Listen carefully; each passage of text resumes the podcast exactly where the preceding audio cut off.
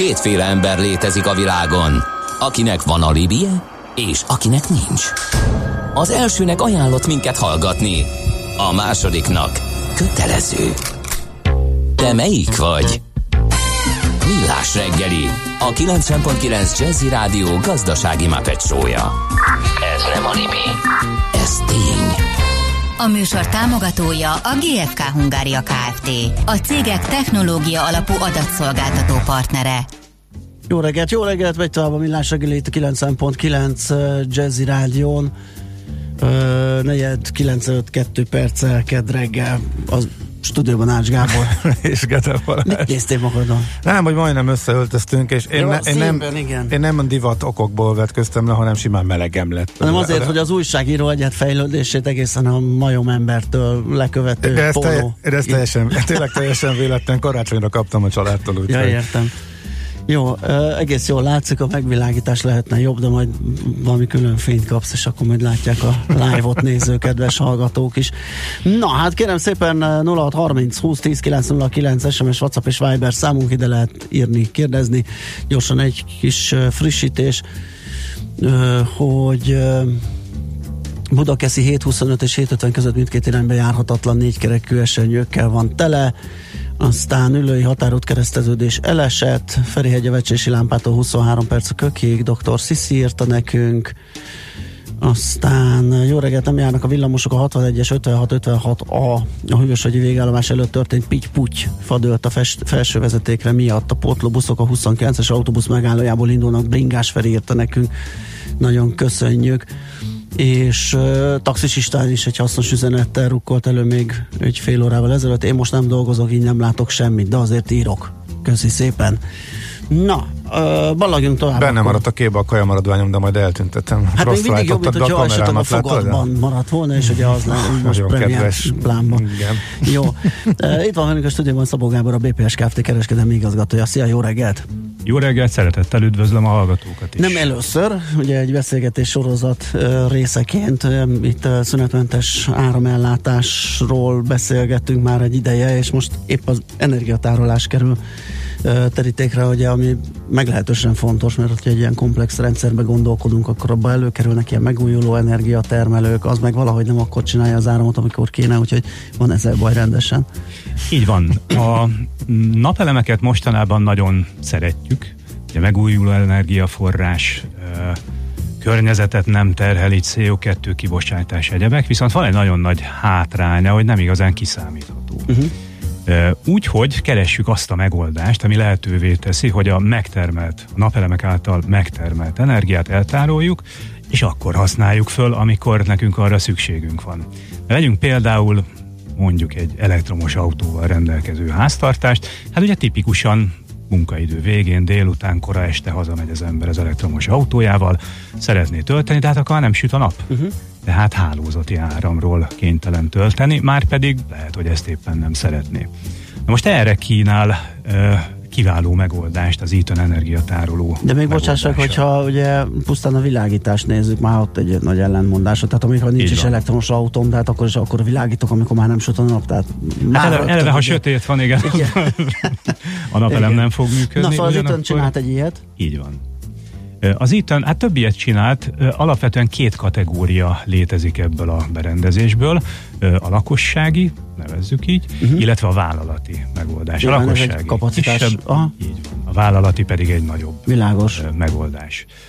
A kisebb, a lakossági megoldás az hát egy nem tudom én, kb. méterszer méteres doboz, amit a falra bárki nyugodtan felszerelhet saját magának, és ez a berendezés azt tudja, hogy például napközben, amikor süt a nap, termel a napelemen, én föltöltöm ezt a berendezést, és este, amikor nem süt a nap, akkor kiveszem belőle az eltárolt energiát. Uh-huh.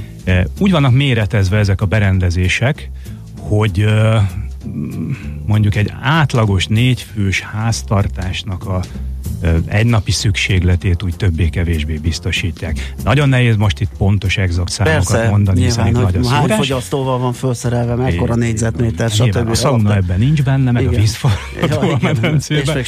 a világítás, Aha. hűtő, az ilyen általános dolgokat el. Na most nekem ebből rögtön az jut eszembe, hogy töltés-kisütés, töltés-kisütés. Ö, Ugye ez általában x darabszámban mehet végbe egy ilyen ö, energiatároló rendszerbe. Így van. Ö, Ez milyen időközönként, vagy mennyi az élettartam, mennyi ilyet bír, és hogyha összes, az egész mindent összevetünk, hogy ezt majd mindjárt mondod, hogy mennyi időközönként kell esetleg ö, cserélni, akkor megmarad azért a megújuló energiának az a hasznossága, hogy én azért valami olyasmi energiát állítok elő és használok fel, ami olyan zöld. Igen, ezek a berendezések két megoldásban léteznek az energiatárolást tekintve. Ugye mind a kettő lítium akkumulátor, de az egyik verzióban a Nissan Leaf elektromos autóknak a használt akkumulátorával dolgozik az Eaton, a másik esetben teljesen új lítium akkumulátorok kerülnek a berendezésbe. A Nissan akkumulátornak ugye megvan az az előnye, hogy egy ciklus már végigfutott az Aha. autókban, utána ezeket felújítják, átvizsgálják szépen egyesével, felújítják, és úgy kerül be ebbe a berendezésbe. Ezekre 5 év garanciát Mhm. vállal az Eaton, tehát 5 évig ezt naponta egyszer körülbelül lehet tölteni és kisütni, ezt bírják gond nélkül. Na, valami Ez melyik? beindult valaki. Valami beindul. Ez melyikünk? Igen. Hát, de szép dallam. Nagyon klassz. Na. Ugye? Először azt hittem, hogy én vagyok, utána azt hittem, hogy én- te vagy. de- Igen, én is azt hittem, hogy én, de aztán A klasszik rádió. Jó, oké. Hang. Jó.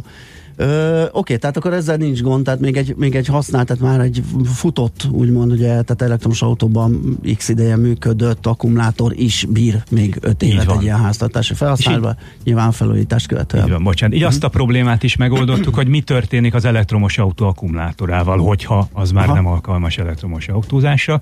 Hát ez egy felhasználási terület például, hogy ezekbe az energiatároló megoldásokba beletesszük őket. Uh-huh. Egyébként az, itt a Nissannal így együtt dolgozik? Így van, így van, egy stratégiai szövetséget kötött a két vállalat, és közösen fejlesztik ezeket a termékeket. Aha, jó, akkor mindjárt magyarázatot kapunk arra, hogy, hogy ennek a nagy mérete, ugye az Amsterdami ö, stadionban, hogy, hogy jön össze, itt majd azok, akik live-ban néznek, majd a háttérben láthatnak egy kis mozit erről, ö, és akkor rá is térhetünk ennek a, ennek a nagy méretű felhasználására, hogy, hogy az sok ilyen kicsi összekötve, vagy ez hogy működik?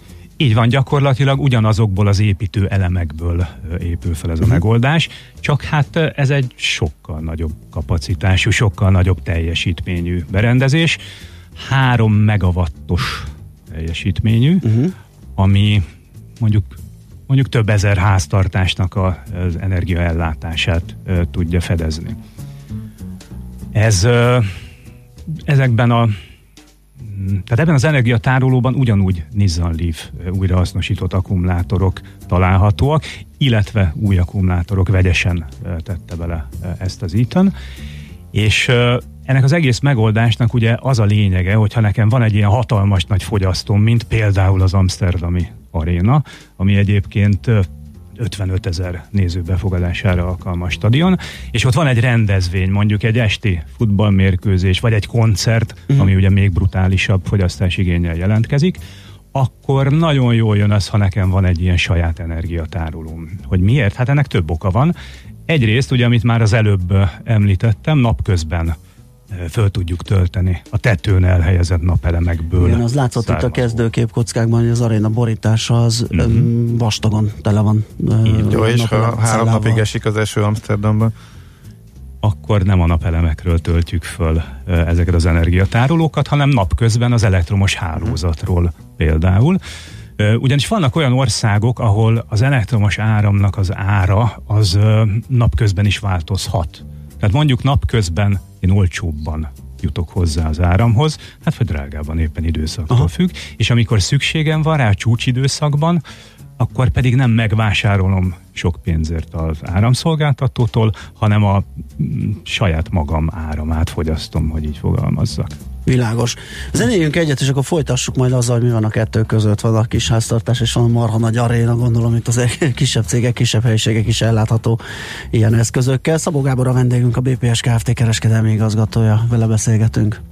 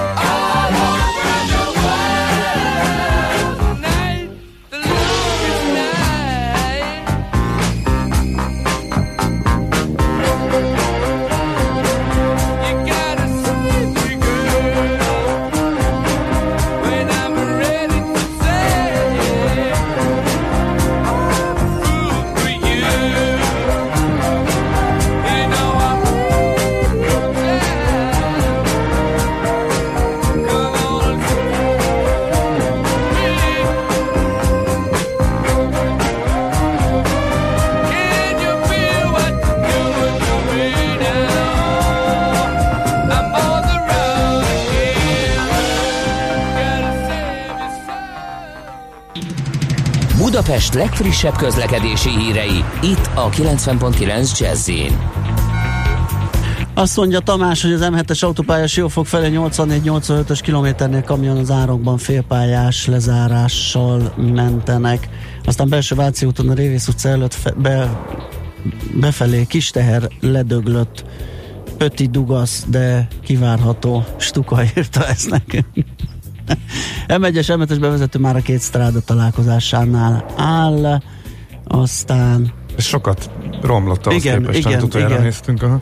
Ülői határút kereszteződés elesett, 10 perces információ, és azt mondja, hogy igen, körülbelül ezek a legfrissebbek. Oké. Okay. Jó, Ö, menjünk tovább, akkor beszélgessünk az energiatárolásról. Szabó Gábor a vendégünk a BPS Kft. kereskedelmi igazoló. Jött egy pár kérdés, esetleg válaszoljuk meg ezeket.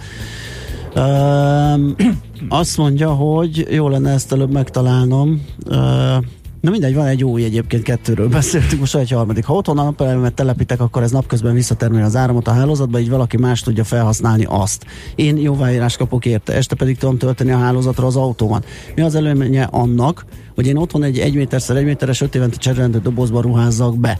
Köszi a magyarázatot, és szép reggelt! több előnye lehet ennek a megoldásnak. Az egyik például az ellátás biztonság, tehát ebből a dobozból akkor is jön az áram, hogyha a szolgáltató esetleg nem tudja azt biztosítani, tehát áramszünet van, vagy bármilyen egyéb hálózati probléma. A másik, ami miatt Nem jó lehet... a szabályozói környezetről, ami eddig is azért okozott fejtörést ezzel a visszatáplálós, jóváírós dologgal, nem? Igen, nagyon jó a felvetés. Tehát ugye a napelem addig gazdaságos, amíg én ki tudom egyenlíteni a termelésemet és a felhasználásomat. Uh-huh. Tehát ha én pluszt termelek éppen, és azt szeretném eladni az elektromos művek felé, akkor azt egyrészt nagyon bonyolult módon, másrészt pedig viszonylag alacsony áron Igen. veszi át tőlem. Az így megtermelt pluszt viszont én el tudom tenni ebbe a kis kütyübe. Aha. És például, amikor a napelemet méretezem, akkor ezzel lehet játszani, hogy mondjuk elég nekem a kisebb napelem, mert hogy ami megtermelődne fölösleg, azt betolom ebbe a berendezésbe, úgyhogy olcsóbb lehet mondjuk a napelemes megoldás. Világos. Egy másik kérdés, hogy az óra elé vagy mögé kell kötni ezeket a tárolókat, illetve a túltöltés esetén vissza lehet táplálni a hálózatba. Pont. Igen. Az óra és a fogyasztók közé kell betenni uh-huh. ezt a berendezést, és igen, egyik nagy előnye ennek a tárolónak, hogy úgynevezett kétirányú inverter van benne, tehát a hálózat felé is tud dolgozni. Úgyhogy előfordulhat az a Magyarországon egyébként nem szokványos eset, hogy én a tárolóból a szolgáltató felé tolom az energiát. Aha. És akkor jött még egy kérdés a lentkerekes energiatárolással kapcsolatban, azt nem igazán tudtam megfejteni, hogy az melyik verzió. Ó, ez érdekesen hangzik. Igen. Igen, létezik olyan is. Ennek a lényege az, hogy én elektromos árammal, mondjuk egy villanymotorral fölpörgetek egy nagy lentkereket, és ha elmegy az áram, akkor nekem ez a lentkerék még egy ideig pörög, és ezáltal ő termeli az áramot. Aha. Ugye nem sokáig bírják ezek a berendezések, ilyen egy-másfél perc körül van a tipikus áthidalási idő, amit ez biztosít. Uh-huh. Nem tűnik túl takarékos megoldásnak pörgetni egy nagy kereket azért, hogy majd esetleg, ha egy, valamilyen esemény van, akkor másfél percig legyen még áramom. Nem számít egy annyira korszerű megoldásnak. De, de finoman körülírtad, igen. Igen. Na, akkor maradjunk ennél, amit az iton is szolgál, ugye ez a falra szerelhető boxok, amiben energiát tudunk tárolni. Családi házban van egy, az Amsterdami arénában van nem tudom, nem számoltuk meg, de nagyon sok. Mi van közte? Tehát ez egy ilyen méretezhető dolog, hogyha egy, egy nagyobb ház, nagyobb létesítmény, nagyobb üzemcsarnok, nagyobb cég akar ilyet, akkor egész egyszerűen kiszámolja az energiaigényét, és ezt méretezi darabra, annyit köt be, amennyi jónak lát. Igen, most ha nem haragszotok, mondok néhány számot. Azt lehet. Az otthoni verziót azt 6 kW teljesítményig ajánljuk, míg ezt az úgynevezett vállalatit, ezt pedig 10 kW-tól fölfele, határa csillagos ég gyakorlatilag. Ugye az amsterdami példa az 3 megawatt, uh-huh. ami hát Európa, európai szinten is egy nagy megoldásnak számít, de 10 kW és 3 megawatt között tulajdonképpen bárhova tudunk méretezni. Uh-huh. Uh, mennyire népszerűek ezek egyébként, mennyire élnek ezzel a, a cégek, intézmények? Most az Amsterdamit ugye azért mutogattuk, mert az egy ilyen kirívó, meg nagy, meg sok, ahogy te is mondtad, azért ez teljesítményében egy óriási uh, valamit, de mennyire jellemző ennek a használata, vagy mennyire kezd ez előtérbe kerülni? Inkább ez utóbbi kezd előtérbe Aha. Kerülni, kezdik megismerni a felhasználók ezt a lehetőséget. Ugye léteznek olyan problémák, amire eddig nem igazán találtak jó megoldást, és ez a berendezés, ez pont ebben segít. Tehát például, mondjak egy példát. Mondjuk a tanya világban van nekem egy tehenészetem, jó példa, uh-huh, ahol hát ugye áramra ugyanúgy van szükség, viszont az áramszolgáltató nem feltétlenül tud mindig megfelelő minőségű áramot biztosítani.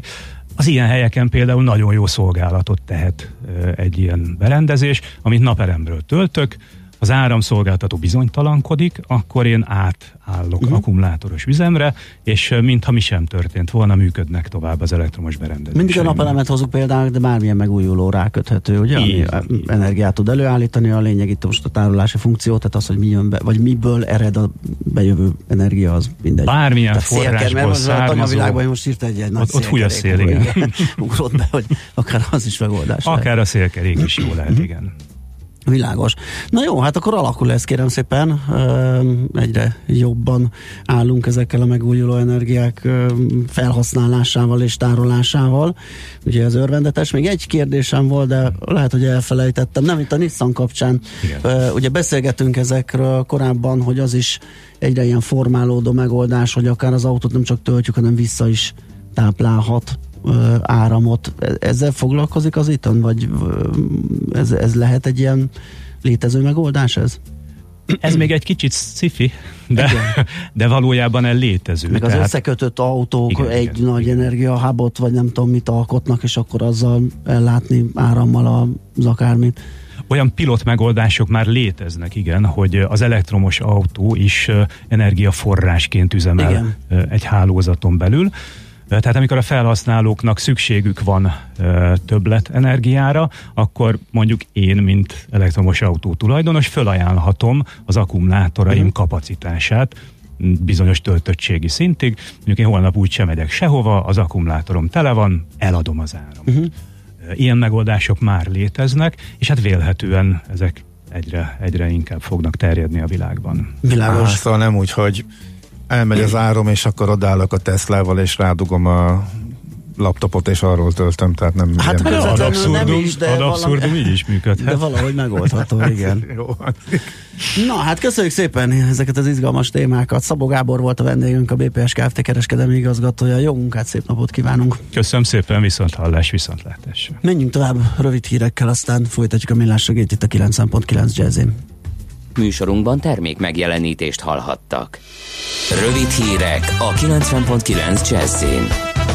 Özönlenek a vendégmunkások 157%-kal nőtt a számuk év végén. A benyújtott kérelmek közül 78 ezer esetben jelölték meg a tartózkodási engedély céljának a munkavállalást, közülük 45 ezer ukrán állampolgár. Magyarország után Romániában is felénénkül a fogászati turizmus, a páciensek 10-15%-a külföldi, az egyik egészségügyi turizmusra szakosodott utazási iroda szerint ez az arány a közeljövőben jelentősen emelkedik majd. Ez hozzájárulhat, hogy a román GDP 3-4%-ra növekedjen a jelenlegi 1-2%-ról.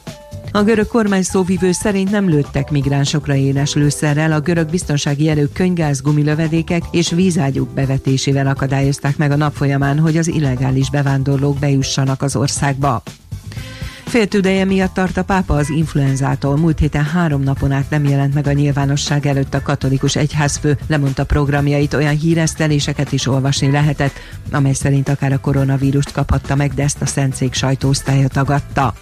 Egy mediterrán ciklon hatására sokfelé számíthatunk esőre, záporokra, zivatarra. A szél erős, néhol viharos lesz, délután 10 és 20 fok között alakul a hőmérséklet.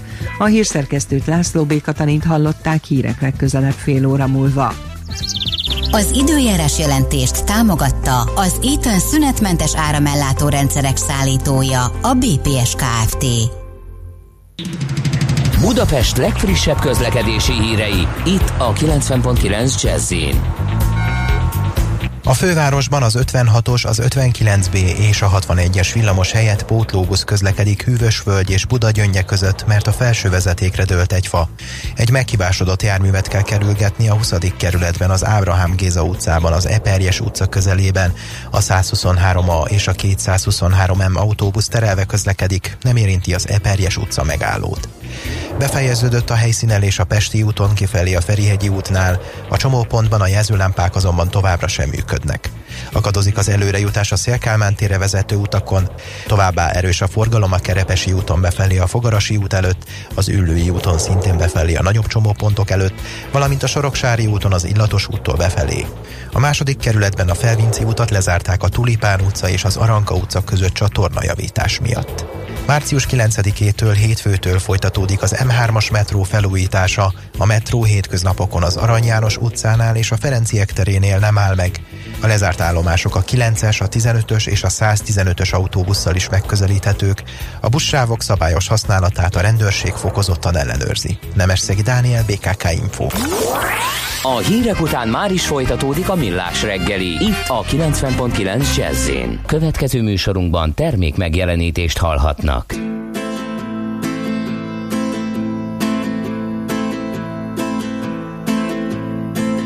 I was born like a bird in a land of hurricanes.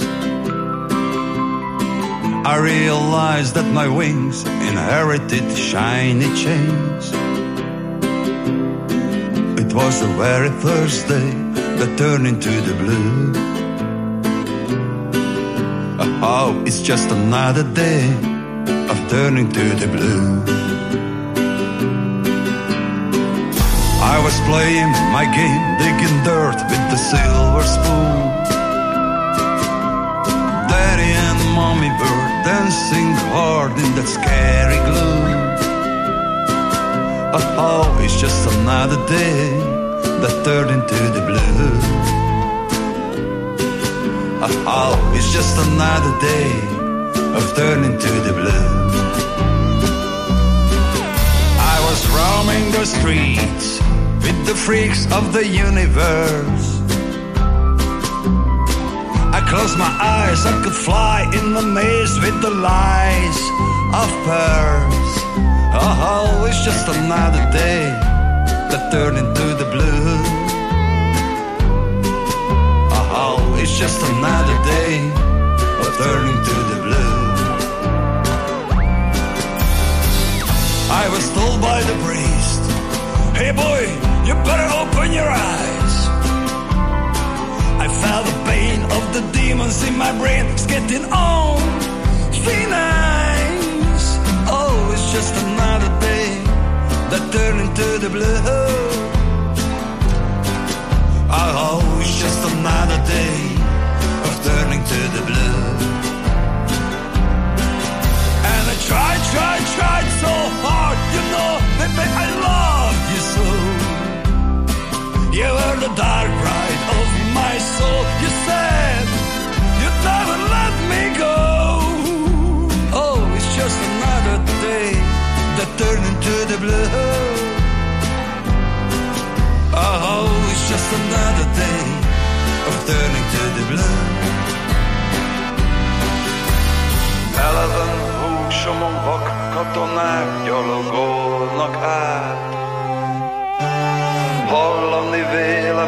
recsegő csontok okolizaját.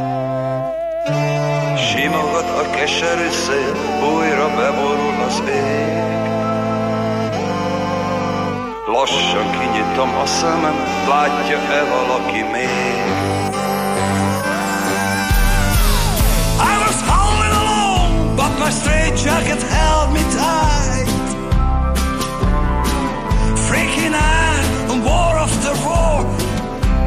Can't sleep at night. Oh, it's just another day of turning to the blue. Oh, it's just another day of turning to the blue.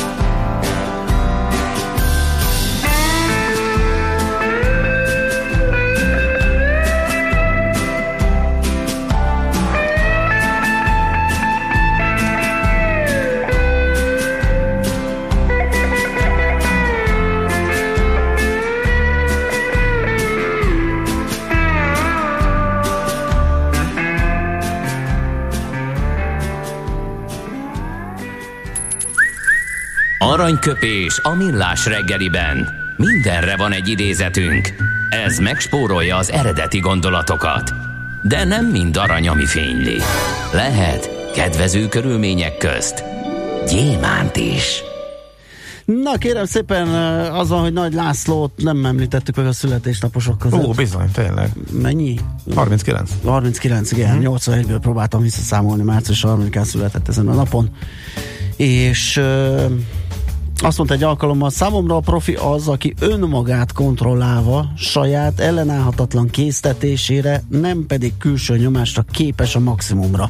Szerintem ez egy tök jó Tök, definíció. ugye, nekem is nagyon tetszett. Uh-huh. Azért emeltem én is ide. Aranyköpés hangzott el a millás reggeliben. Ne feledd, tanulni ezüst, megjegyezni arany. És nyilván kiderült, hogy a magyar válogatott kézilabdázónkról van szó, és nem a költőnkről. Igen, Ugye, igen. Ezt elfejtettem Igen, hozzátenni, jó, jó, hogy igen, tegyük Nagy hozzá. László, de ki? Na, Hát a ö, 39 évesből igen, talán igen, az azért mondom, hogy szerintem tulajdonképpen leírta a, Igen. a dolgot, de jobb ezt tisztázni. Török Lajosról az Equilor befektetési ZRT vezető elemzőjével fogunk beszélgetni, ő van a telefonvonalunk túlsó végén. Szia, jó reggelt! Jó reggelt! És olyan izgalmas és egymillió dolláros kérdéseket teszünk fel, hogy mibe kerülhet a világgazdaságnak a koronavírus para, illetve hogy lehet ezzel foglalkozni, mert nyilván ez a nagy árfolyam esés, nagy mozgások, nagy föl, vagy nagy le, aztán nagy föl, ez, ez pont a bizonytalanságból ered, hogy nehezen mérhető, nehezen kiszámítható, hogyan, hogyan közelítsünk ehhez a dologhoz. Amit mi szoktunk ilyenkor csinálni, különböző eseményeket vizsgálunk, hogy milyen kimenetre lehet potenciálisan. Mi ugye, amikor erről beszéltünk egymás között is, akkor ugye három nagyobb ilyen lehetőséget fogalmaztunk meg. Van egy alapszenáriónk, egy pessimista, illetve egy ultrapessimista szenáriónk, és gyakorlatilag, hogy a vírus terjed, úgy lépkedünk mi is át, hogy melyik szenárió tűnik egyre valószínűbbnek, és egyébként a tőzsdei reakciók is nagyjából ezt tükrözik, tehát amikor úgy tűnik, hogy esetleg sikerül megfékezni a járványt, és nem lesz olyan veszélyes, akkor látszik, hogy óriási felpattanások lesznek, ehhez persze hozzájárult az is, hogy jegybanki razítást várnak a piaci szereplők, viszont amint ugye megint újra jobban terjed, új országba jelenik meg, és újabb karanténokat vezetnek be, ugye tőzsdei reakciók is azonnal megjelennek, és óriási eséseket láthatunk. És akkor most nagyjából kicsit visszaléptünk az alapszenárió felé a múlt hét végéhez képest, azzal, hogy három-négy napig nem jött negat, nagyobb negatív hír a vírus kapcsán? Tehát most hol járunk a szenáriók között? Igen, tehát azt kell látni, hogy a kínai megfékezésnek lehet egyébként ez az egyik oka, tehát az, hogy Kínában az esetek száma nagyon alacsonyan növekszik, és úgy tűnik, hogy a karanténon kívülre minimálisan jutott a vírus, és ez lökheti egyébként a gazdasági szereplőket abba, hogy visszaállunk az alapszenárióra, ami ugye azt tartalmazza, hogy egy rövid távú fennakadás lehet, viszont hosszú távú gazdasági kilátásokat nem módosítja ez a vírus. Uh-huh. Mégis mi van ebben kicsit részletesebben az alapszenárióban, hogyha sikerül ennyivel megúszni, akkor a piacok azt mutatják, hogy már nem esnek akkorát, mert nagyon visszapattantak, viszont továbbra is nagyon-nagyon csúnyán lealázták a turizmus szereplőit például, de kicsit a tágabb kép hogy néz ki? Igen, tehát azért ez úgy néz neki, hogy nem lenne sehol a gazdasági központokban több hónapon át tartó karantén, a gyárak nem hónapokra zárnának be, hanem maximum hetekre, esetleg egy hónapra. Ugye itt a legnagyobb kérdés az, hogy mennyire akadnak meg az ellátási láncok. Ugye az utóbbi időben nagyon optimalizálták azt, hogy gyakorlatilag minden, mindenről tudták, hogy másodpercre pontosan melyik gyárban van éppen hol tart a gyártási folyamatban, és nagyon minimális készletekkel dolgoznak, kb. egy-két hónapossal. Amennyiben ez a lánc nem akadna be, és nem történnek jelentős csődhullámok sem, akkor igazából visszatérhetünk a korábbi gazdasági pályára. Természetesen vannak szektorok, a turizmus, illetve a luxusipart ilyenkor ki kell emelni, ami biztos, hogy érintettek lesznek, hiszen a kínai turisták számát azt már látjuk, hogy jelentősen elmarad a tavalyitól, és ez várhatóan az egész évben így fog alakulni. Ettől függetlenül más szektorok kevésbé lesznek érintve. Uh-huh. Jó, hát bízunk abba, hogy nagyjából ennyivel megúszuk. Na de ha végig mégis teszem azt Olaszországból átmászik a vírus és okoz újabb válsággócokat, akár Olaszországon belül, Hát más régióban vagy mondani, Európában. magában Olaszország ugye egy nagyon kockázatos helyzetben van ezzel, hogy pont ott tetőzik ez a, ez a probléma, hiszen önmagában véve ott a makrogazdasági helyzet is igen labilis. Pont nem hiányzott nekik. Igen, ez így van, tehát azért az olasz fiskális oldalról nehezebben lehet megtámasztani egyébként, bár ma már bejelentettek, hogy lesznek lépések, tehát ugye a korábbi államháztartási hiányt engedik egy kicsit elengedni, és adó visszatérítések formájában ugye próbálnak pénzt juttatni a gazdaságban. Ettől függetlenül azért, hogyha az Egyesült Államokban is kialakulna egy gócpont, főleg ha valami ipari vagy pénzügyi központban, tehát most akár a nyugati, akár a keleti partra, akár egy, egy ipari városra gondolunk, az is biztos, hogy jelentős fennakadásokat tud okozni, tehát számomra most rövid távon ez tűnik a leg veszélyesebbnek akár a tőzsdei növekedésre, akár a gazdasági növekedésre az Egyesült Államokban esetleg kialakulna egy vagy több nagyobb gócpont központokban. Uh-huh. És akkor ez lenne a pessimista, vagy ez már az über pessimista? Nem, ez még, a, e- e- ez még a pessimista, uh, amikor több ilyen, több ilyen egy-egy gócpont kialakul, és egy-egy hónapra ott is ugye karanténok, tehát egy-két hónapos karanténok. Az ultra pessimista szenárió azt jelenti, hogy ez nagyon elhúzódna. Tehát akár az egész évben, vagy akár éveken keresztül velünk lehetne ez a vírus, folyamatosan így ugráló karanténokkal, és az egész ellátási rendszer miatt fölborulna, hiszen azért arra senki nincs fölkészülve, hogy a különböző gyárak különböző időpontokban teljesen véletlenszerűen lesznek bezárva. Uh-huh. Uh, esünk túl a legpesszimistább forgatókönyvön, hogy az mivel járhat. Nyilván számoltatok ilyen GDP hatásokat, meg hasonló. Igen, tehát azért azt kell, hogy ez mind a kínai, mind a világ gazdaság növekedésre jelentős negatív hatásként érne. Mi azzal számoltunk, hogy az ultra pessimista szenárióban is ezért minimális 2-3 százalékos növekedés lehet Kínában, de a magyar gazdasági növekedés is ezt 1-2 százalék ponttal minimum visszavetheti. Pessimistább esetben, tényleg egy ultra pessimista szenárió esetében pedig az eurozónának a recessziója is elkövetkezhetne, az amerikai növekedés is gyakorlatilag nullázódhatna. Uh-huh. Oké, okay.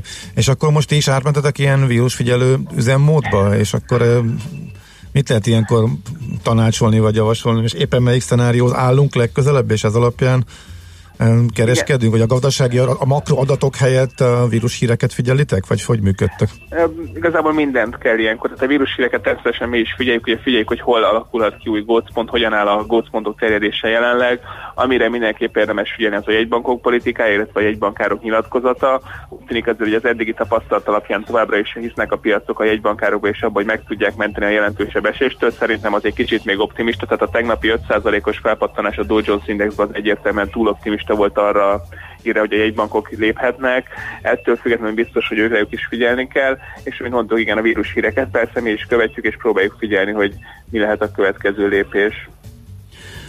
A forint tekintetében még egy pár szót beszéljünk, ugye itt, hogyha a nagy jegybankok csökkentenek a gazdasági visszaesés miatt esetleg a csökkenő kereslet, csökkenő inflációval jár, az jót tehet a forintnak, gondolom én. Hát ezért több hatásról beszélünk. Tehát van hát egy igen, olyan a másik oldalon meg a para van, ami meg nem Igen, tehát tenni pontosan ar- arról van szó, hogy egy, igazából egy pénzügyi e, ilyen növelés esetén ugye az Európai Unióban is inkább a keleti országok szokták ezt megsínyleni igen. elsősorban a devizahatásnál, tehát arról van szó, hogy a forint most a dutotyival és a koronával teljes mértékig együtt mozgott az utóbbi napok, vagy a vírus dominanciája óta tehát arra számítunk, hogyha ez a, tehát tényleg az, ha maradunk az alapszenerőnál, akkor az a forintnak az egy picit jó lehet, ettől függően, ahogy lépünk a pessimista irányok felé, ez a forinton újabb lökéseket adhat. Ettől függően azért nem látunk pánikeladást a forintnál, tehát nem azt látjuk, hogy a forint most óriási zuhanásban lenne, egyszerűen csak a régiós devizákkal együtt mozoghat a következő időszakban. Ha egy hallgató arról érdeklődött, hogy most van egy-két forint nyugi, hát már mint a csúcsához képest az eurónak, hogy most vásároljon nyárra, vagy várjon vele? Szerintem Nem kell konkrétan nyilván megmondani, hogy igen, tessék elmenni venni egy pár, nagy adag eurót, csak hogy milyen sávot vártok esetleg, milyen mozgásokat. Jó, tehát mi, én sávban azt mondom, hogy a 335-345-ös sávban maradhat a forint az úti következő időszakban. Ennek nyilván a sáv alján lehet, hogy érdemes lenne vásárolni, és hogyha sáv tetején, akkor meg akár ugye el is adni, tehát azért mi nem gondoljuk, hogy ezt a 340, most a 341 szinten sikerült ugye átlépni az utóbbi időszakban, de azért nagyon rövid ideig tudtunk felette tartózkodni, ezért egy komolyabb negatív szenárió esetén a 340-es szintet biztos, hogy meg lesz ostromolva még egy párszor. Oké, okay, hát köszi szépen, meglátjuk, figyeljük mi is a, a vírusiradót, aztán meglátjuk, hogy merre mozdulnak a piacok. Jó munkát, szép napot! Köszönöm, Szia. szép napot! Hello! Török Lajossal, az Equilor befektetési ZRT vezető elemzőjével váltottunk pár szót arról, hogy mégis mibe kerülhet a világgazdaságnak a koronavírus para. Wildflowers and wine The old scratchy record plays in the background of our lives We're still here dancing after all this time. Wildflowers and wine.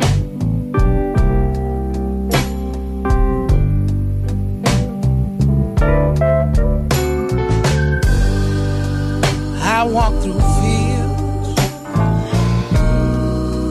of evergreen,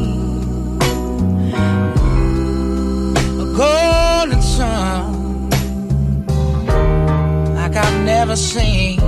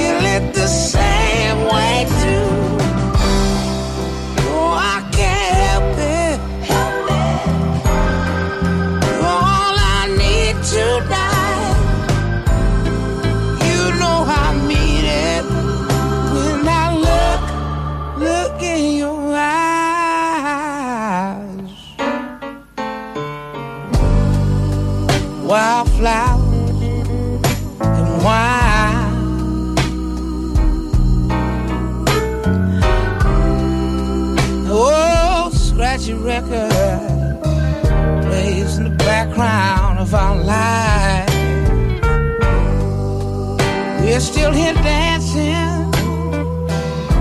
after all this time. Wildflowers and wine.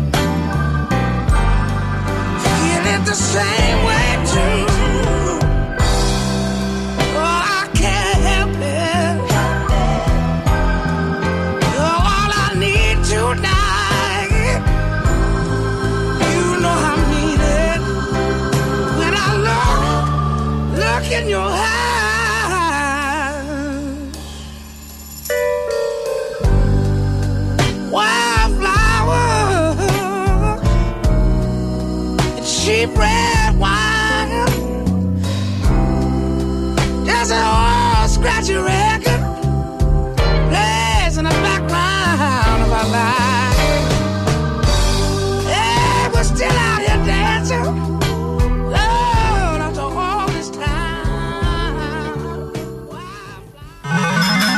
A szerencse fia vagy? Esetleg a szerencse lánya? Hogy kiderüljön, másra nincs szükséged, mint a helyes válaszra. Játék következik. A helyes megfejtők között minden nap kisorsolunk egy folyékony Marnis vitamo- vitaminokból álló csomagot az Aerosoft Kft. jóvoltából. Mai kérdésünk a következő, milyen beviteli formában szívódik fel legjobban a vitamin? A. Gumicukor, B. Light gelatin kapszula, vagy C. Folyékony formula. A helyes megfejtéseket ma délután 16 óráig várjuk a játékkukac jazzy.hu e-mail címre. Kedvezzem ma neked a szerencse! Na hát kérem szépen azt vizsgáljuk meg, azt a kérdést járjuk körbe, hogy milyen terhet róhat a vállalkozásra, az a jó- vállalkozásokra az a szigorodó adózási jogszabály változás, amely szerint 100 ezer forint alatti számlatételeket is most már online kell jelenteni az adóhatóság felé, illetve hát nem most már, hanem ö, talán júli 1-től, de mindjárt ezt is tisztázzuk ennek a határidejét. Ö, még pedig mindjárt mondom Frankó Zsolttal, a KPMG igazgatójával, aki telefonvonunk túlsó végén várakozik. Jó reggelt kívánunk! Jó reggelt kívánok, sziasztok! Mikor jön ez a szigorítás? Itt belekavarodtam a határidőkbe. Igen, július 1-től. Júli 1, És akkor stimmelt. Így Mhm. van, így van, abszolút. Ez tulajdonképpen nem egy új keletű kötelezettség, ahogy, ahogy mondtad Igen. is, hanem, hanem a korábbi jogszabályi feladatok, kötelezettségek szigorítása. És ez abba, a, tulajdonképpen abba, abba a folyamatba tartozik, amely keretében az adóhatóság az adóellenőrzések hatékonyságát kívánja jelentősen javítani. Aha. Na most gondolhatnánk azt, hogy hát oké, most már majd az apróbb tételek is ö, ugye ilyen adatközlési ö, kötelezettséggel járnak, de hát mit számít az nekem, hiszen ott a számlázó program oldja meg a fejlesztő, aztán megy a dolog a maga útján. Mennyiben terhelheti ez a vállalkozásokat ez a dolog? Így van, alapvetően egy, egyébként ez, ez, ez egy kétirányú folyamat. Egyrészt a, a, a számlaadatok valós idejű adatszolgáltatása az, az valóban a, a számlázó programok feladata, de van ennek egy, egy másik iránya is. A, a bejövő oldalon ugyanúgy szerepeltetnem kell ezeket a tételes adatokat egy, egy bevallásban, tehát amíg egy részről ez, ez egy e, mindenképpen automatizált dolog kell, hogy legyen, a másik esetben sok esetben még azt látjuk, hogy, hogy, hogy ezek továbbra is e, manuális folyamatok, és tulajdonképpen ez, ami, ami július 1-től majd lehetetlenné válik, tehát át kell térni mindenképpen valamilyen, valamilyen digitális formában történő adatszolgáltatásra a, bevallások készítésekor. Itt mire kell gondolni? Tehát valahogy a bizonylatot be lehet szkennelni, egy ilyen karakterfelismerővel kinyeri az adatot, elküldi típusú megoldás, hogy hogy néz ez ki, mert hogy mm, gondolom ez eddig a kézi bevitel az úgy történt, hogy fogta a könyvelő a számlátot, mm, fogta azt a tételt és bevitte valamelyik adatkitöltő rendszerén a NAV-nak. Uh, illetve ez is, egy, ez, ez, egy, ez is egy kicsit bonyolultabb helyzet. Tehát alapvetően nagyon sok könyviteli szoftver, adat, uh, vállalatirányítási Aha. rendszer már ezeket az adatszolgáltatásokat jelenleg is elkészítette. Uh-huh. Uh, A probléma ott adódik, ahol, ahol valamilyen esetleg több rendszert használ egy adózó, vagy valamilyen Magyarországon nem, szám, nem támogatott rendszert használ a cégcsoport, és ezért a magyarországi leányvállalat is, vagy adott esetben a, egy report nem elegendő ahhoz, hogy, hogy az adatokat kinyerjék, és ilyen esetben sok, sokszor manuális maradt ez a, ez a munka, ami, ami, ami nem működik. Tulajdonképpen, amit az adóhatóság elvált, az egy, az egy tételszintű adatsor a bevallásban. Tehát az, hogy, hogy milyen módon viszi fel ezt az adózó az adatukat, az rá van bízva. Ezt akartam Nyilván kérni az adóhatóság, tehát most van egy ilyen döntés, és a, nem tudom, a NAV az valamit azért így próbált segíteni a vállalkozásoknak e, e tekintetben, hogy teljesen a piacra van bízva, tehát vagy ti, vagy mások fejlesztenek egy ilyen rendszert, és akkor um, azt úgymond a piac intézi, ők pedig várják az adatokat. Maga a, maga bevallási része az, az a piacra van bízva. Aha. A számlázó szoftverek adatszolgáltatása kapcsán a NAV egyébként kifejlesztette, lefejlesztette a saját számlázó szoftverét, tehát ez az adóalanyok rendelkezésére van bocsátva, bárki használhatja, és tulajdonképpen a számla kibocsátó oldali kötelezettséget ez a számlázó program teljesíti. Tehát már az új, új jogszabályok, tehát július 1-től ugye az apróbb tételek arra is alkalmas lesz. Így van, Aha. így van. A másik oldalt a bevallások tételes jelentését tartalmazó részeit, azt viszont az adózóknak maguknak kell megoldaniuk. Uh-huh. Világos. Uh, igen, hát ez kemény feladatnak tűnik. Uh, alapvetően itt nyilván a, a hatóság meg a költségvetés akar jól járni, ugye ez újabb fehérítő uh, lépés, de uh, nem tudom, a vállalkozások mindezzel együtt, tehát hogy születnek ilyen megoldások, és, és valamennyire gépesíthető ez a dolog, azért ez mégiscsak egy plusz teher. Így van. Alapvetően ez, ez, megint ö, kétirányú ez a dolog. Egyrészt az adóhatósági ellenőrzések néhány éve még, még, még hosszadalmas folyamatot jelentettek, jelentős erőforrásokat kötöttek le az adózók részéről. Tehát az, hogy ez átalakul, azt gondolom, hogy ez, ez- minden vállalkozásnak tulajdonképpen az érdeke. A másik oldal az természetesen az, hogy ezeket az adatszolgáltatásokat valahogy meg kell oldani, és az élet ö, legtöbbször bonyolultabb, mint, mint hogy egy új fejlesztést ö, végzek a rendszeren, hiszen ezek a vállalatirányítási rendszerek sokszor nagyon bonyolult folyamatokat kötnek össze, és egy-egy frissítés az problémát okozhat, illetve akadályokba ütközhet. Ilyen módon maradnak ezek a manuális folyamatok a rendszerben, amit tulajdonképpen júliustól ki kell küszöbölni. Erre egyébként van számos piacon található megoldás, illetve nyilván egyedi fejlesztéseket is, is lehet használni. Aha, akkor ez, ez a lépés, ez megint, megint segít abban, hogy ez a bizonyos digitális gazdaság és társadalom index, inkább kimondtam magyarul, mert nem tudom ezt a DESIT, DESI, DSI, hogy mondjuk az angol rövidítését, ugye ebben nem álltunk jól, és ez is lehet egy lépés afelé, hogy javuljon ez a helyzet? Mindenképpen, és azt is látni kell, hogy, hogy ez, egy, ez egy újabb lépcsőfok, de nem a, a, a, a vége a folyamatnak. Jövő év elejétől megint szigorodik, szélesedik ez, ez a kötelezettség. Az adóhatóság már dolgozik egy új adatszolgáltatási kötelezettségen, tehát azt gondolom, hogy addig ez a folyamat nem fog leállni, amíg az adóhatóság valós időben nem látja a könyvelési adatokat. Tehát alapvetően az a cél, hogy, hogy minden az adóhatóság rendelkezésére álljon, és tulajdonképpen ez a folyamat majd oda fog vezetni, hogy az adóbevallás, mint olyan, megszűnik a létjogosultsága, hiszen az adóhatóság már kalkulálni tudja az adókötelezettséget, és nem lesz szüksége egy, egy összesített bevallási adatra, hiszen tételszintű adatai lesznek. Hát szegény könyvelők izgulhatnak, úgy érzem, hogy szorul a húrok a szabályok körül, és át kell minősülniük adótanácsadóvá minimum, mert a hagyományos könyvelési munka így tényleg úgy látszik, hogy megszűnőben. Hát, illetve átalak, Átalakulóban. Azt tudjuk mondani, hogy átalakulóban. Jó, igen, hogy ne hozzuk rájuk a szívbat nyilván, Igen, ezért egy, egy technológiai oldalt érdemes felvenni, de, de nyilván a, a munkára szükség lesz, illetve azokat az ellenőrzési folyamatokat, amit eddig utólagosan, manuálisan végeztek, tulajdonképpen folyamatokba szükséges építeni, amihez, amihez a, a tudás az, az, az továbbra is elengedhetetlen. Hopp, egy utolsó pillanatban érkezett hallgatói kérdés. A tételes bevallást havonta kell majd leadni?